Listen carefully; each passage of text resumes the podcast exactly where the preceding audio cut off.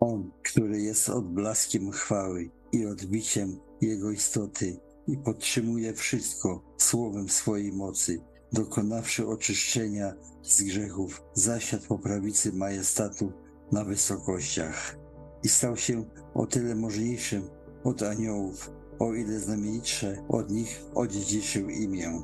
Dlatego musimy tym baczniejszą zwracać uwagę na to, co słyszeliśmy, abyśmy czasem nie zboczyli z drogi, bo jeśli słowo wypowiedziane przez aniołów było nienaruszalne, a wszelkie przestępstwo i nieposłuszeństwo spotkało się ze słuszną odpłatą, jakże i my ujdziemy cało, jeśli zlekceważymy tak wielkie zbawienie.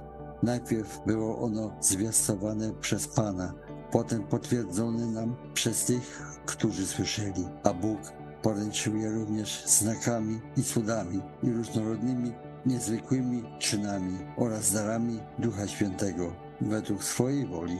Przystało bowiem, aby ten, dla którego i przez którego istnieje wszystko, który przywiódł do chwały wielu synów, sprawcę ich zbawienia, uczynił doskonałymi przez cierpienia, bo zarówno ten, który uświęca, jak i ci, którzy bywają uświęceni, z jednego są wszyscy.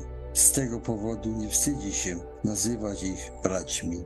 Skoro zaś dzieci mają udział we krwi i w ciele, więc i on również miał w nich udział, aby przez śmierć zniweczyć tego, który miał władzę nad śmiercią, to jest diabła, i aby wyzwolić wszystkich tych, którzy z powodu lęku przed śmiercią przez całe życie byli w niewoli.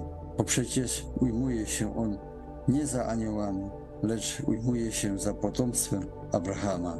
Dlatego musiał we wszystkim upodobnić się do braci, aby mógł stać się miłosiernym i wiernym arcykapłanem przed obliczem Boga dla przebłagania za grzechy ludu, a że sam przeszedł przez cierpienie i próby, może dopomóc tym, którzy przez próby przechodzą.